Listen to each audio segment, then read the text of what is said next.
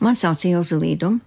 Es esmu no Jāņaunas sudrabiņa muzeja rīkstiņa, un es vēlos jums mazliet kaut ko pastāstīt par Jāņaunas sudrabiņu. Vai jūs zinājāt, ka viņš arī mācīja fotografēt?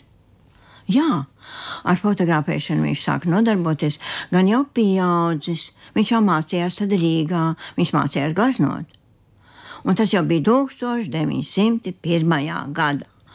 Kad viņš vasarā ar draugu atbrauca uz Neretu, draugam bija līdzi fotoaparāts, un tas, dzīvodams kaimiņu mājās, fotografēja visus mājas iedzīvotājus. Pēc tam to mājas iedzīvotāju kaimiņus un, un vēl citus, un vēl citus. Pārsvarā tie bija jaunākie ļaudis, kas gribēja labprāt fotografēties, bet arī viens otrs vecā gada gājuma cilvēks arī labprāt gribēja nofotografēties. Nu, tālūk. Tā kā viņš bija sapelnījis jau pietiekoši daudz naudas, jo gribētāji bija, atvaļinājums viņam arī beidzās, bija jādodas atpakaļ uz Rīgu.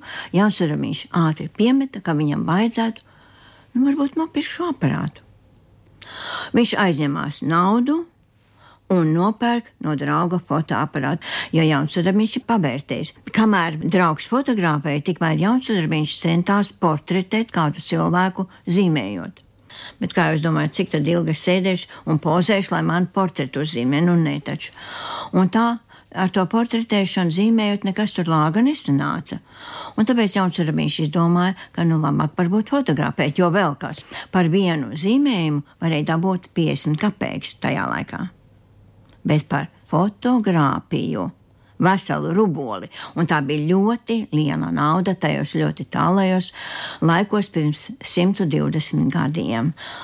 Un ātri vien jauns darbiņš atpelna savu aizņemto parādu un nopelna pietiekoši daudz naudiņas, lai rudenī jau ar mazliet pilnāku maciņu visa ģimene varētu braukt uz Rīgu un Jauns Arabiņš varētu turpināt mācīties, studēt būma zīmēšanas skolā. Bet draudzība fotografēšana jau tad viss tik ātri nepabeidzās. Viss.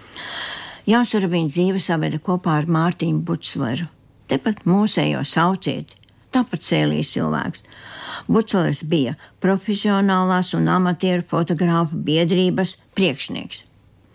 Buclers savā žurnālā Stāri izveido fotografijas nodaļu, kurā sniedz rakstus, pamācības, kā fotografēt, ko darīt un tā tālāk, kurā tiek eh, rakstīti kritiski raksti par izstādēm, jo tajā laikā arī sākās pirmās izstādes, un starp citu viena no pirmajām izstādēm ir Siguldā, un to organizēja pats Jauns Udrabiņš, un arī iekārto šo izstādi, jo viņam tas visai labi izdevās. Un šajā te savā žurnālā Stari Jaunsudrabiņu uzaicina par redaktoru. Jaunsudrabiņš godprātīgi pilda savu uzdevumu, raksta rakstus par fotografiju, raksta rakstus par izstādēm, un par to laiku arī paspēja publicēt vienotru savu stāstījumu vai tēlojumu.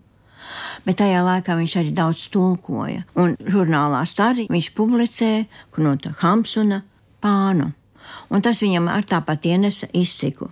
Viņš tiek uzņemts fotogrāfu biedrībā kā goda biedrs, un pie tam kā goda biedrs uz visu mūžu. Savas dzīves laikā, principā, viņš ar fotografēšanu pārāk neaizrāvās, jo Viņš ir gleznotājs. Un mums jau nav daudz šo fotografiju, bet pāris ļoti labas, vērtīgas fotogrāfijas. Es īsti nezinu, vai tie ir oriģināli, bet tās ir dabūjis fotomuzejs, kur ir vienkārši kolosāla 17. gadsimta glezniecības kompozīcija.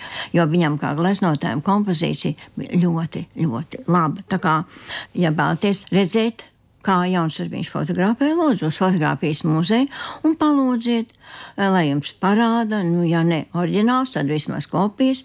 Jā, jauns un viņa divas fotografijas, kuras ir fotografētas, tad tur ir pie Daugavas. Salaspils apkārtnē, radu saime un ārkārtīgi jaukā, labā kompozīcijā. Tā jums viss iespējas, lai jums izdodas.